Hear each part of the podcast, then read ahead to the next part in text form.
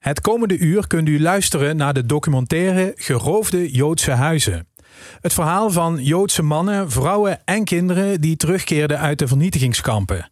Als ze hevig getraumatiseerd terugkwamen, bleken hun huizen geroofd en in bezit genomen door nieuwe bewoners. Soms had zelfs een gemeente daar een rol in gespeeld. Schoorvoetend onderzoeken Limburgse gemeenten nu de roof van Joodse huizen in de Tweede Wereldoorlog.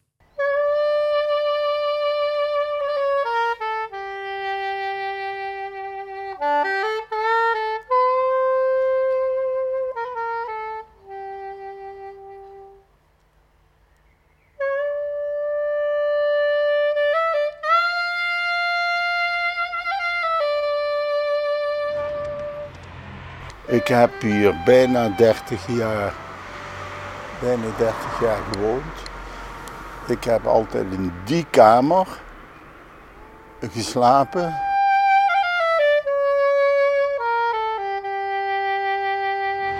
Hier uh, is dus uh, mijn tweelingzus geboren en mijn jongste zus.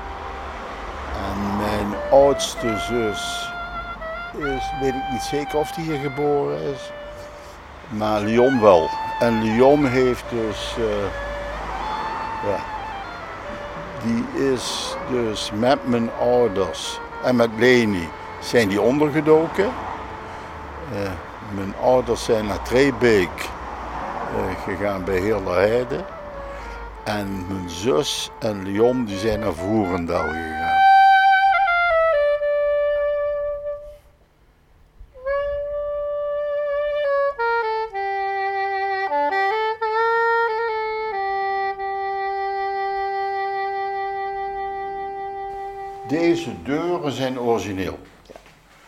Waren maar mooi wit gelakt, maar goed, die waren origineel.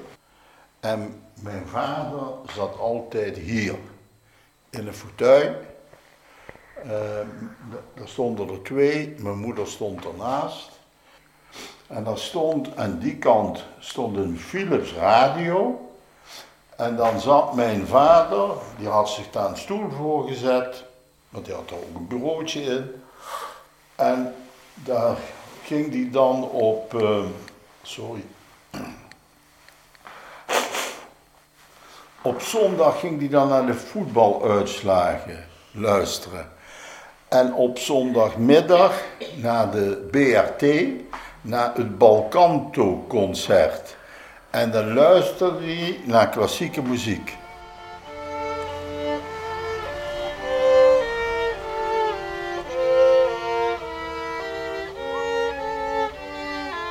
Benoit Wesley, terug in het ouderlijk huis aan de Koning Klovenstraat 49 in Maastricht. Hier groeide hij op. Benoit is na de Tweede Wereldoorlog geboren, maar de rest van het Joodse gezin maakte de verschrikkingen van de bezetting en vervolging wel mee. Broertje Leon werd vermoord. De ouders en zusje Leni keerden na de onderduik terug en konden als uitzondering weer terecht in het eigen huis, zo herinnert Leni zich. Mijn vader is toen, ik weet niet of dat diezelfde dag of een paar dagen daarna, is hij naar Maastricht gegaan om te kijken wat de toestand van het huis was. Of wij daar weer in zouden kunnen eh, trekken. En uh, bij aankomst vond hij een huis vol met ammunitie. En revolvers en geweren en weet ik veel wat. Er waren geen manschappen mee natuurlijk. En het was een troep. En eh, de kelder eh, was helemaal verstevigd met, eh, met houten palen tussen, eh, tussen de grond en het plafond. Uh, in geval er een bombardement zou zijn en zouden ze daar hopelijk dan, uh, dachten ze dat ze daar veilig zouden zijn. Ook hadden ze aan weerskanten van de zijkanten van de woning een groot gat gemaakt, wel weer bedekt met een of andere houten plank. In geval ze moesten vluchten. Ja. En het was bij ons een beetje netter. Maar ze hebben hier die, die CV hier naar beneden geplaatst. Misschien aan de andere kant, als we hier naartoe lopen in een andere ruimte. Hier, dit is het. Dit is het. Hier konden ze doorheen. Dit is het. Ja. Ja. Ehm, 17 gezinnen, niet-Joodse gezinnen, allemaal vrienden of kennissen van mijn ouders, die hebben het hele huis leeggehaald, de inboedel, alles, alles, alles, en hebben dat voor ons bewaard tot na de oorlog. En dat is een heel zeldzaam gebeuren. Als ik dat vertel aan andere Nederlanders die de oorlog overleefden, dan gaan de wenkbrauwen omhoog of ze hebben een of andere uitdrukking van werkelijk waar. Omdat heel veel Nederlanders die terugkwamen, Ja. die werden verwelkomd door de buren met: eh, Oh, ben je teruggekomen? Hè? Niet zoiets van: Oh, wat fijn dat je er weer bent, godzijdank. Of, en, of mensen wilden bepaalde voorwerpen gewoon niet, niet teruggeven. Eh, waarvan dus de mensen heel duidelijk die in, ehm, gegeven hadden ter. ehm, ehm, ja, ik, ik zoek naar het Nederlandse woord. De bewaring? En bewaring, ja, ja, ja, ja. Leni Wesley woont tegenwoordig in Israël en herinnert zich nog levendig het ouderlijk huis in Maastricht aan de Koning Klovenstraat 49. Hoe verging het andere Limburgse Joden? Historicus Herman van Rens. Eh, wij weten dat er eh, toen de Tweede Wereldoorlog begon in Limburg ongeveer 1500 Joden waren, leefden. Eh, overigens een getal dat in de periode na 1933 bijna verdubbeld was, omdat er relatief veel vluchtelingen uit Duitsland en Oostenrijk in Limburg waren blijven hangen. En van die eh, 1500 Joden eh, zijn er eh, 830 eh, naar de kampen gedeporteerd en eh, overgrote meerderheid omgekomen. Er waren in totaal 64 eh, die eh, terugkeerden uit een van de concentratiekampen. Van de andere kant, na de oorlog kwamen dus weer 64 overlevenden eh, van de Limburgse Joden terug. Maar er doken in Limburg ook 2000 niet-Limburgse Joden op die in Limburg ondergedoken hadden gezeten. En in die zin eh, kun je dus zeggen dat Limburg een van de weinige gebieden is waar aan het einde van de oorlog meer Joden woonden dan aan het begin ervan. En wat troffen de Joden die terugkeerden aan, zoal in Limburg? Nou, eh, daar moet je een gedifferentieerd verhaal bij vertellen, denk ik. Eh, in de literatuur wordt altijd de nadruk gelegd op wat er allemaal fout ging. En er ging een heleboel fout. Van de andere kant, ehm, we hebben meer eh, verhalen gevonden dat eh, mensen die uit de onderduik of uit de kampen terugkwamen, dat die met heel veel vreugde door hun vrienden en familieleden en hun buren werden ontvangen. En ook relatief weer vrij snel een- wat betreft eh, tenminste de omgeving hun leven konden oppakken weer. Wat niet wegneemt dat iedereen natuurlijk zijn verschrikkelijke trauma's meebracht. Vaak waren heel veel familieleden vermoord en eh, ze hadden, eh, voor degene dat, voor wie dat niet gold, eh, was in ieder geval dat zij een heel traumatische onderduikgeschiedenis achter de rug hadden.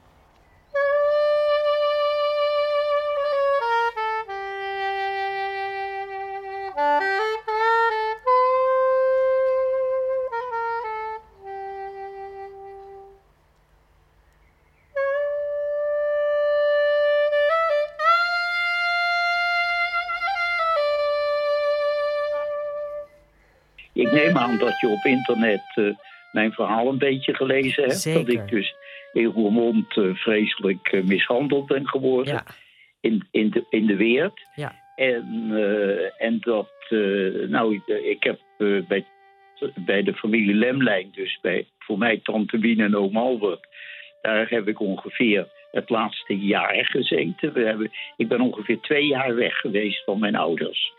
En wij woonden ook altijd in Maastricht.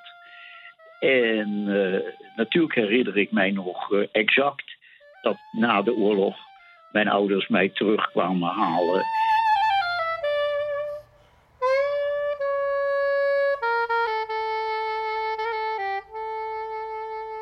was een hele grote Joodse gemeenschap. Er was in Roermond een grote Joodse gemeenschap.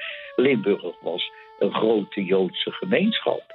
Ja, en mijn grootvader uh, was toevallig de rabbijn van Maastricht. Uh, met een, uh, nou ja, de synagoge daar is, bestaat 300 jaar, prachtig. En toen wij dus uit de oorlog terugkwamen, lag die synagoge tot aan de. Er is dus een galerij boven van de synagoge. Die, de, de vrouwen en de mannen laat ik zeggen, in gebed worden die gescheiden uh, van elkaar. Dus de vrouwen zitten op een andere plek. En dat is een soort balkon waar de, wij noemen dat de vrouwensynagoge gedeelte was.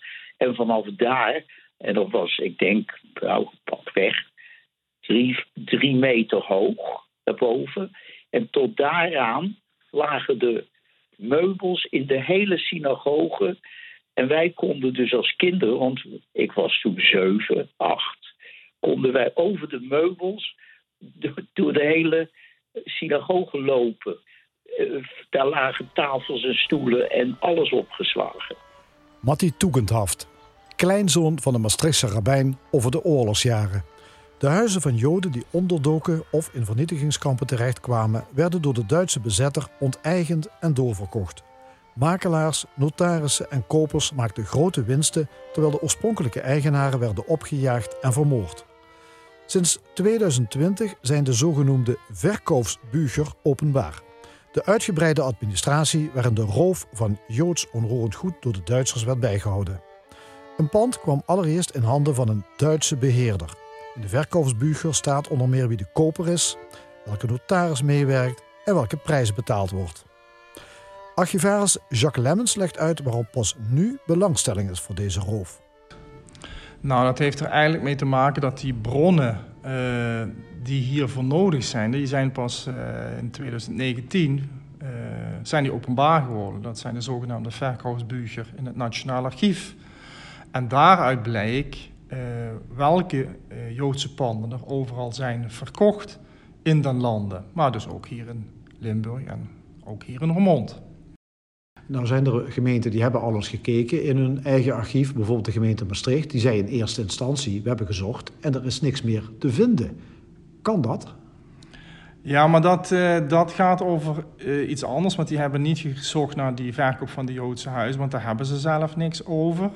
Uh, die hebben in eerste instantie gekeken, zijn er door de gemeente belastingen geheven?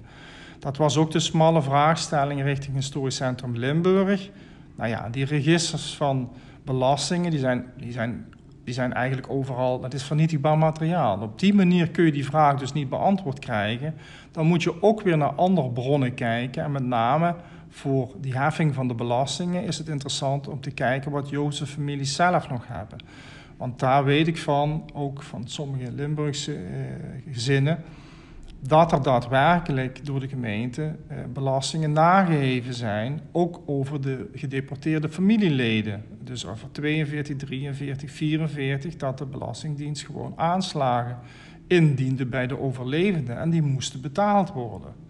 Een puur formalistische opstelling van de Nederlandse overheid. Er zijn nu een aantal gemeenten die zijn begonnen met, uh, met onderzoek. Er zijn ook al onderzoeken deels afgerond uh, in eigen huis.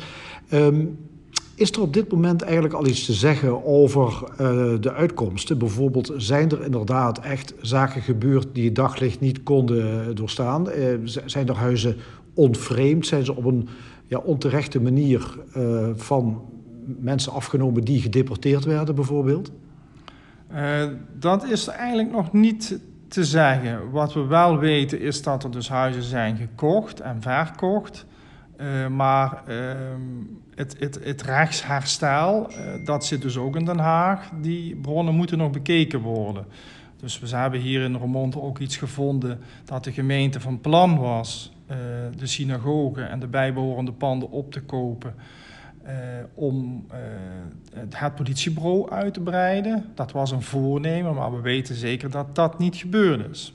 We weten ook bijvoorbeeld dat de provincie Limburg een pand heeft gekocht vlak na de eerste deportatie in 42. Maar we weten niet hoe het rechtsherstel heeft plaatsgevonden. Dus dat is nog wat te vroeg om daar conclusies over te kunnen trekken. Nou, we hebben bijvoorbeeld ook een voorbeeld, eh, ook in deze uitzending van de gemeente Beek, waarin de burgemeester bijvoorbeeld een pand kocht waar hij zelf in gaat wonen.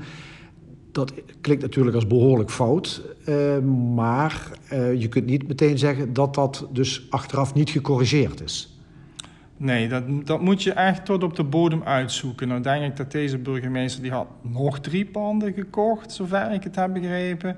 Dus hij, het was een NSB-burgemeester, dus die, dit lijkt wel niet helemaal in de haak te zitten. Maar goed, we moeten het tot op de bodem uitzoeken voordat je daar echt iets over kunt zeggen. Voor wie zijn deze onderzoeken nou relevant? Is het voor onze geschiedschrijving? Is het voor nabestaanden? Is, ja, is er misschien zelfs nog zo dat, dat er een bepaalde genoegdoening, compensatie uit kan komen? Wat, wat zou het kunnen opleveren?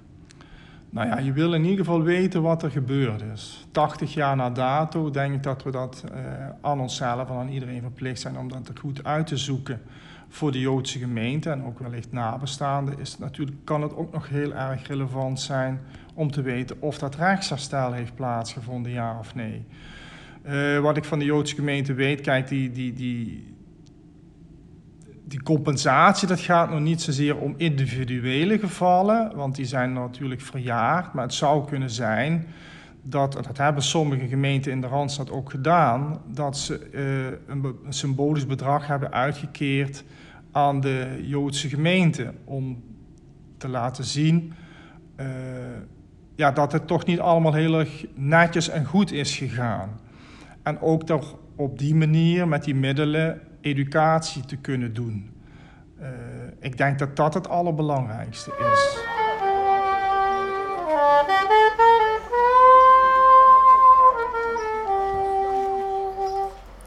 Archivaris Jacques Lemmens van Roermond, een van de drijvende krachten achter de onderzoeken naar de roof van Joods onroerend goed in de Tweede Wereldoorlog in Roermond en Maastricht.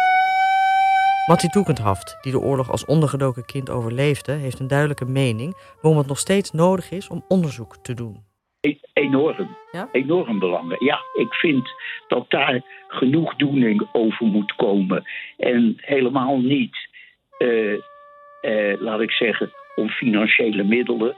Uh, het gaat ons gelukkig allemaal erg goed, dus dat hoeft helemaal niet. Maar het gaat om een soort, ja, laat ik zeggen, dat men erkent dat er gewoon niks gedaan is. Ik begin een, een, een soort schandgevoel te krijgen hoe wij dus als Joodse ingezetenen na de oorlog eigenlijk niet door de buurt, want die hebben ons vol liefde ontvangen, maar hoe wij dus door de regeringen zijn opgevangen. Dat is natuurlijk een grote schande, vind ik, nadat ik zie dat er op dit moment van alle kanten van allerlei dingen waarvan je zegt, moet dat nou nog excuses gemaakt worden? En ik heb het gevoel dat wij uh, als Joden, nou wat we dus meegemaakt hebben, ergens uh, ook na de oorlog een beetje de hoek in zijn geschopt. Niet iedereen heeft hoge verwachtingen van een onderzoek. Benoit Wesley uit Maastricht was lang voorzitter van de Joodse gemeente in Limburg. Hij is sceptisch. Ja, daar heb ik een dubbele mening over. Um, ik denk.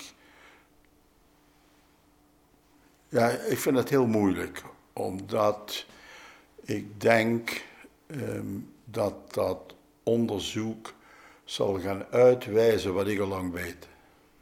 En wat is dat?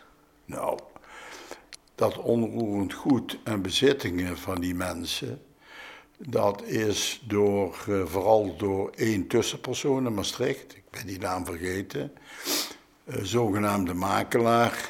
Uh, het huis van mijn vader en moeder is voor 30 of voor 35.000 gulden verkocht. En terwijl het in die tijd al veel meer waard was. En ook de meubels en de hele inrichting is verkwanseld. En uh, toen mijn vader de bezittingen terug wilde krijgen, want hij had ook nog andere dingen, heeft hij daar jaren voor moeten vechten. Het is zelfs zo dat mijn vader een belastingaangifte kreeg, maar heel snel betalen, want hij had al lang niet betaald van tijdens het onderduiken. En toen hebben ze hem weer aangeslagen terwijl hij helemaal geen inkomen had.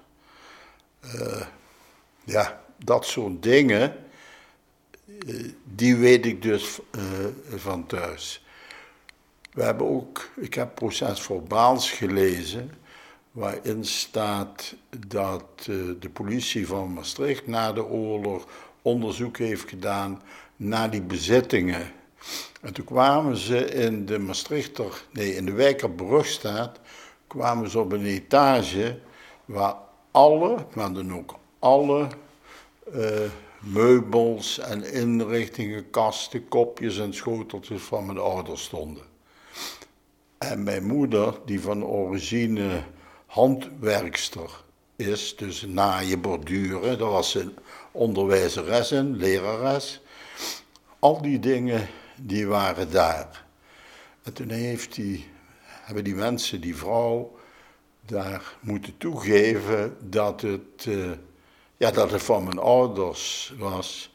Maar die vonden dan dat ze te goede trouw was. Breder legges brennt, onze nebech brennt. Weise Winden mit ergossen, Reisen brechen und zerblossen, starker noch die wilde Flammen, als uns schon brennt. Und ihr steht und guckt da säusig, mit verlegter Hand. Und ihr steht und guckt a säusig, unser Städtel brennt. Ik heb een keppel op. In, in school is het ook natuurlijk uh, verplicht voor mannen. Uh, keppel is overigens nog wel een discussie over of dat verplicht is. Ook uh, om dat te dragen, daar zijn uh, verschillende opvattingen over. Maar ik draag hem liefst buiten niet. Want ja, de, kans dat je uitgescholden wordt of anders komt toch regelmatig voor.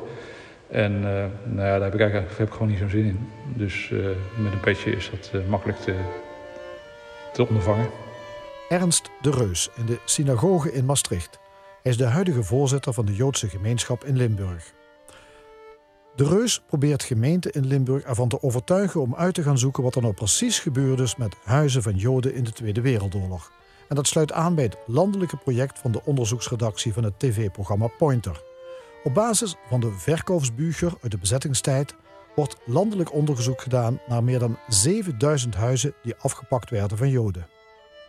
Nou, eigenlijk mijn rol is uh, uh, in die zin gestart toen ik uh, het Pointer-onderzoek, dat wat onder ogen kwam. Wat, ik kende het helemaal niet, maar op een gegeven moment kreeg ik het toegestuurd. Ik weet niet eens meer van wie. En toen zag ik inderdaad dat er diverse gemeentes waren in Limburg, die, zeg maar, waar ook huizen, in ieder geval op de kaart stonden huizen die mogelijk onteigend waren. En dat er mogelijk ook financiële voordelen door de gemeente behaald waren. Nou, dat was voor mij aanleiding ook om eens uh, verder te praten met een aantal mensen. En uh, uh, toen hebben we gezegd, nou, ik wil er toch ook als voorzitter wat aan gaan doen. En ik heb toen gezegd van, ik ga ja, de gemeentes aanschrijven. Er zijn meer gemeentes die ik, heb dan, die ik nu heb aangeschreven. En, maar Maastricht was wel de grootste, dus ik dacht, daar beginnen we mee. Daarnaast heb ik Venlo, Heerlen, nou, Roermond is, was al zelf gestart... Uh, en, en, Valkenburg uh, aangeschreven. En uh, ja, met eigenlijk de hoop dat die wilde, wilde starten. Nou, we kunnen zeggen dat Maastricht heeft daar echt werk van gemaakt. Is voorstel in de, in de raad gekomen, is geaccordeerd. En daar zit nu een onderzoekscommissie op die zeg maar gaat, gaat beginnen met dit, met dit project. Een doorlooptijd van tien maanden. En ja, wat eruit komt, dat moet, moet blijken ik heb altijd gezegd, dat heb ik ook richting gemeente aangegeven. Ik vind het belangrijk dat we de waarheid boven tafel krijgen. Dat is belangrijker dan uh, of er financiële uh, compensatie plaatsvindt. Ja, en we gaan, uh, ja, we zitten eigenlijk een beetje te wachten op de gemeentes Valkenburg, waarvan we hopen dat die zeg maar ook gaat, gaat meedoen. En Heerlen, maar daar Heerlen heb ik eigenlijk helemaal niks van gehoord. en ik heb wel gezegd, ja, als we op een gegeven moment de gemeentes aan het werk zijn, dan kunnen we ook nog naar de overige gemeentes kijken. Er zijn nog kleinere gemeentes waar. Maar dan gaat het soms maar om vier huizen of, of, vijf huizen. Dus, maar ook daar vind ik eh, dat we zeg maar, eh, actie op moeten, moeten zetten.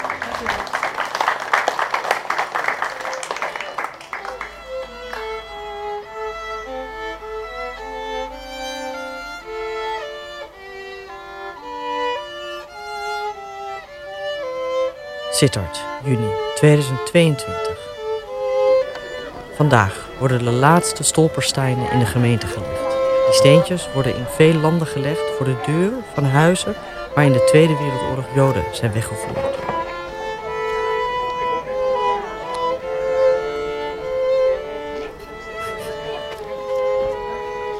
Dames en heren, we staan nu op het Julianaplein nummer 21.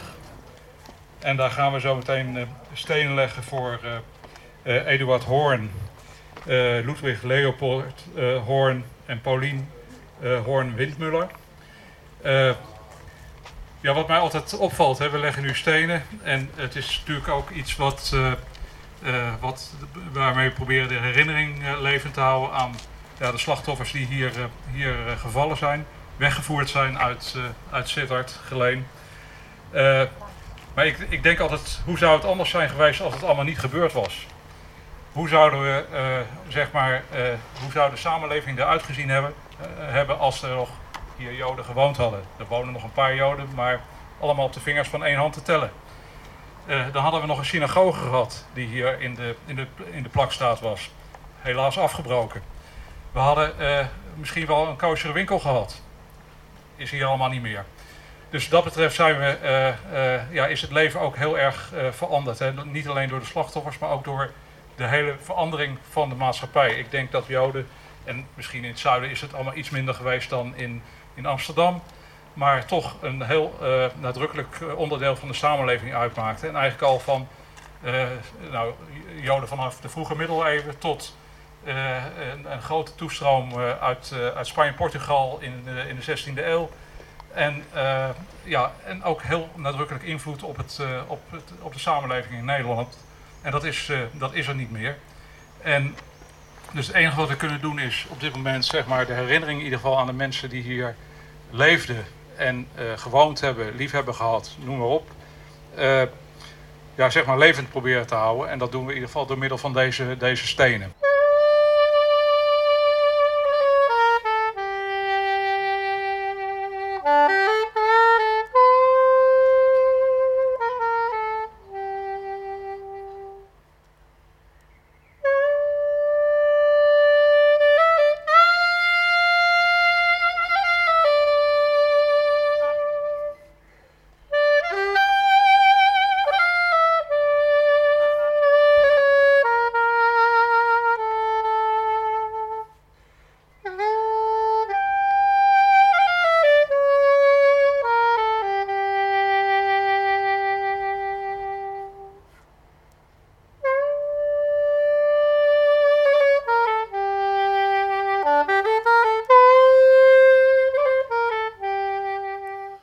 Stolpersteinen herinneren ons eraan dat gewone mensen die niets op hun geweten hadden, plotseling opgepakt en gedeporteerd werden. Opgejaagd en vervolgens meestal vermoord. De huizen werden in beslag genomen door een beheerdersorganisatie en dan doorverkocht. Makelaars, notarissen en kopers profiteerden.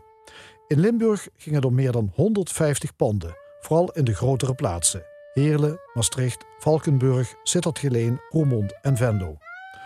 Soms kocht een gemeente een huis. De gemeente Beek verwerft drie van de zeven huizen die in de kleine gemeente afgepakt worden van Joodse bewoners. De huishoudster van een Joods gezin beschreef in een brief hoe dat ging. Onderzoekster Annelies van Rens leest de brief voor.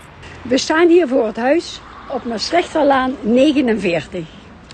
Het waren twee lieve oude mensen. Ze moesten mij ontslaan omdat een Arisch meisje niet langer mocht dienen in een Joods huishouden. Maar wij hielden contact met elkaar. Ze mochten ook niet meer reizen met de bus. En toen ik trouwde in Geleen kwamen ze helemaal te voet vanuit Beek om ons een cadeau te bezorgen voor ons huwelijk. Burgemeester van Sonsbeek was december 1941 afgetreden omdat hij niet langer wilde meewerken en gehoorzaam zijn aan de Duitse bezetter.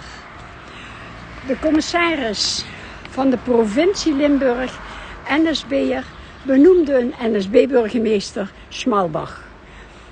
Hij, was, hij woonde in Vaals en moest iedere dag 4,5 uur reizen om op zijn werkplek te komen. Hij vond dit uiteraard niet prettig en had in Beek rondgekeken of er een huis voor hem te vinden was.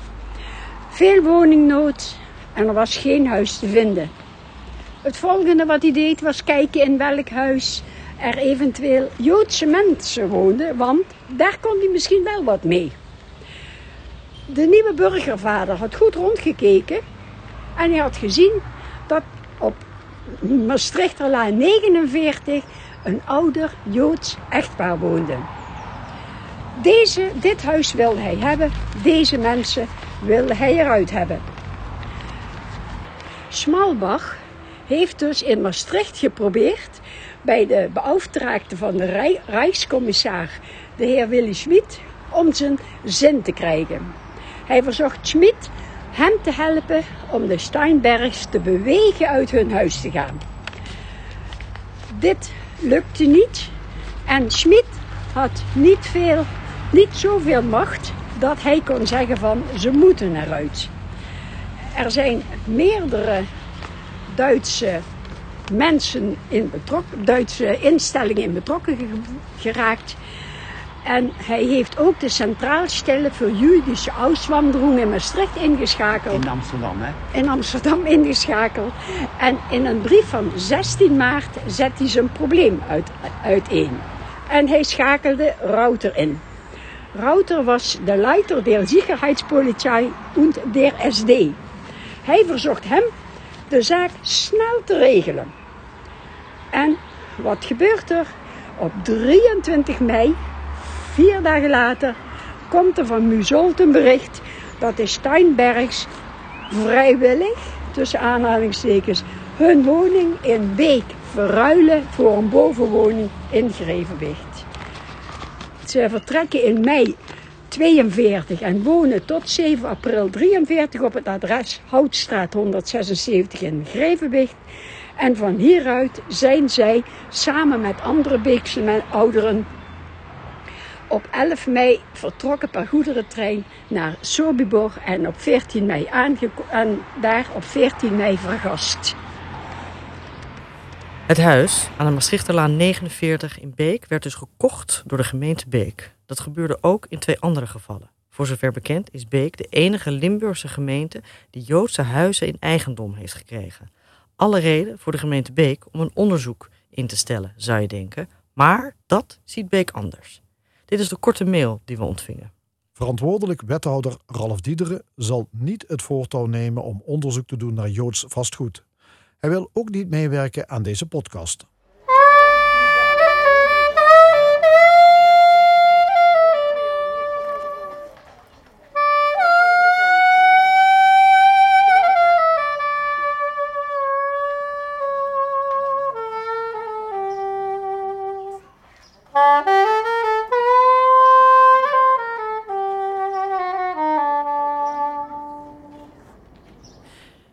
Voelt dus niets voor een onderzoek naar de eigen omgang met geroofde huizen en grond. Het komt en kwam vaker voor dat gemeenten niet empathisch handelden. Isidor Sassen merkte al in 1945 hoe moeilijk het was om hulp te krijgen van een gemeente. Archivaris Jacques Lemmens. Ja, Isidor Sass, een slagerszoon, uh, die kwam uh, terug uit Auschwitz. Hij is de enige Sittard die Auschwitz heeft overleefd, of ook de andere vernietigingskampen. Hij klopte ook aan bij de gemeente Sittard voor steun. Zijn hele familie was uitgeroeid. Zijn, zijn, zijn, zijn ouders, zijn moeder, vader, zijn broer, zijn vrouw, zijn twee kinderen. En hij kreeg van de gemeente Sittard een tweedehands pak en daar moest hij het maar mee doen. Dus ook het huis en de, de financiële middelen, alle, alles was in beslag genomen. En dat heeft, dat heeft jaren geduurd voordat hij dat ook weer terugkreeg. Hij kwam in maart 1945 uh, terug uit Auschwitz. Hij werkte voor de oorlog bij de staatsmijn uh, Maurits, ondergronds. En hij moest op 1 juli moest hij weer aan het werk. Hij hoefde gelukkig niet meer ondergronds en kreeg bovengronds een baantje. Want die man was ja, tot op het bot getraumatiseerd en zeer verzwakt. Uh, dus het is echt een, een, een dramatisch verhaal. Ja. Ik begrijp, met dat pak is hij later nog een keer gefotografeerd? Een jaar later trouwt hij in dat pak, want dat was het enige pak wat hij had, trouwt hij met een Joods meisje en andere Joodse overlevenden, ook Rosalie Wijnberger uit Eindhoven en van haar familie ook. Hij, zij was de enige overlevende van de 85-koppige familie. Dus dat zijn twee, um, twee eenlingen overlevenden die dan toch de handen in elkaar slaan en opnieuw ja, leven beginnen. En die trouwen bij de onderdijkouders van die Rosalie in Heerlen, een gereformeerd uh, gezin. Ja, dat is zo'n trieste foto. Ja, dat is onbeschrijfelijk. Ja. En daar staat Isidor Sassen staat in dat tweedehandspak dat hij van de gemeente Sittard heeft gekregen. Zo is het. Mooi Dani, hoi, mooi Dani. Mooi Dani, hey, lefanecho. Hoi Gott, hoi Gott, mit so einem Guck, was ist mir in der Fremd geworden? Ich bin noch jung, unerfahren. Es kennen fremde Menschen mir vernarren. Es kennen fremde Menschen mir vernarren. Ja, we staan nu bij de oude Joodse begraafplaats in Venlo aan de Broekhofpad. De begraafplaats is tot eind 19e eeuw in gebruik geweest. En naast mij staat Antoine Scholte, burgemeester van Venlo. We hebben als gemeente gekeken of wij betrokken waren bij um, Joods vastgoed... wat in de Tweede Wereldoorlog in Duitse handen terecht is gekomen. Een eerste onderzoek heeft uitgemaakt dat de gemeente daar zelf niet bij betrokken was. Dat wil zeggen dat de gemeente geen Joodse eigendommen heeft gekocht. Uh, in dit geval dan van de Duitse organisatie die dat deed. Maar wel een beruchte meneer van Bokstel, die later ook failliet is verklaard. En um, toen hebben we nog geprobeerd, of men heeft toen geprobeerd, lijkt uit de annalen, dat ze nog wat van dat geld en van die goeden terug wilden halen. Dat lukte niet, want hij had toch schulden openstaan. En volgens mij zijn daar rekeningen voor een dokter voor betaald en, en wat andere zaken. Um, maar het kan best zijn dat op de een of andere manier de gemeente Venlo toch betrokken was bij, bij de verkoop aan derden van Joods vastgoed. Dus dat willen we wel uitgezocht zien. En dat doen we door een onafhankelijke um, onderzoeker ernaar te laten kijken. Dat doet niet de gemeente en niet de mensen van ons eigen archief, maar een onafhankelijke onderzoeker met een klankbordgroep waar ook um, een vertegenwoordiger van de Joodse uh, wat, wat er nog van resteert, die, die Joodse gemeente in, uh, in participeert. En, uh, en op die manier proberen wij te komen tot een zo goed mogelijk beeld van wat de gemeente wel of niet gedaan heeft in de Tweede Wereldoorlog. En um, voor zover bekend is er geen sprake meer van een Joodse gemeenschap in Venlo. Uh, wat vindt u daarvan? Of wat kunt u daarmee?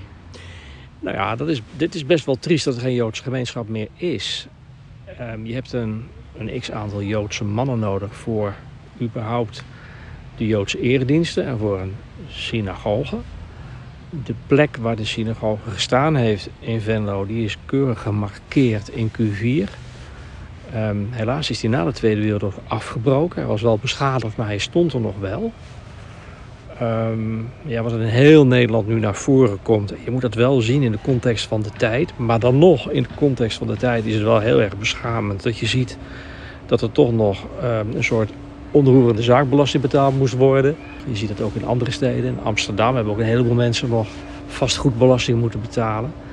De, de, de, de erfgenamen van de Joodse eigendommen. En in sommige steden, zoals in Amsterdam, bijvoorbeeld Femke Halsema, heeft excuses gemaakt. Is dat iets wat voor u ook tot de mogelijkheden behoort? Ja, excuses maken hoort, dat, dat zou zeker kunnen. Maar dan moeten we wel even kijken wat de uitkomst is van. En dan moet goed gekeken worden wat is de rol van de gemeente geweest.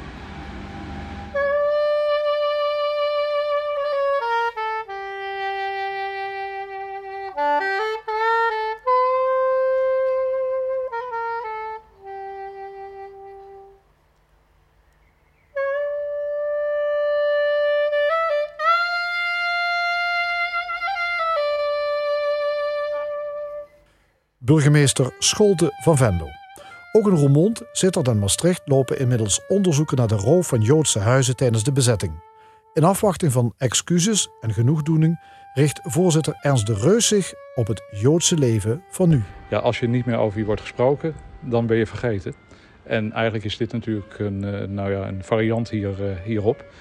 Uh, ik vind dat als voorzitter ook belangrijk. Uh, ik heb overigens wel, dat is ook wel een, soort dilemma waar ik soms mee zit. We doen natuurlijk heel veel voor de, voor de slachtoffers. En dat is ook goed, want ja, het vreselijke wat is, is gebeurd, dat, dat, moet herinnerd blijven. En daar moet aandacht voor blijven. Maar ik heb ook nu wel mijn focus gezet op zeg maar, de levende Joden. De mensen die er nu zijn. De mensen die nu aandacht vragen. De mensen die nu hier in Sjoel willen komen. Dat is, uh, dat is voor mij ook een, uh, ja, echt een heel belangrijk uh, punt geworden. Dus als dit het, het, project voor mij wat ik in Sittard geleend doe, Stolperstein, zeg maar, rond is, dan blijf ik daar wel bij betrokken. Maar ik zal me meer gaan focussen op, op het voorzitterschap van, van de NEAS Limburg. En kijken wat we, ja, hoe krijgen we het Joodse leven hier zo goed mogelijk geregeld. Mooi Dani, hoi, mooi Dani, mooi Dani, hey, lefanecho. Hoi Gott, hoi Gott, mit Zorn, guck, was ist mir in der Fremd geworden. Ich bin noch jung, unerfahren.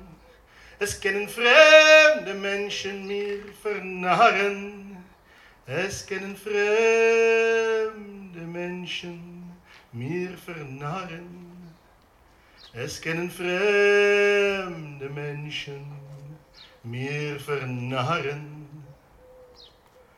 Moidani, hoi, moidani, moidani, ei, lefanecho. Hoi Gott, hoi Gott mit Zorn, guck, was ist mir in der Fremd geworden. Schwere Jahren in dit viele, ich gedenk nicht mehr dit viele, ich gedenk nicht mehr dit viele, ich gedenk nicht mehr dit viele. Moidani, hoi moidani, moidani, ei, lefanecho. De documentaire Geroofde Joodse Huizen is een programma van Barbara Nieuwkoop en Frank Ruber. U kunt dit programma ook beluisteren als podcast.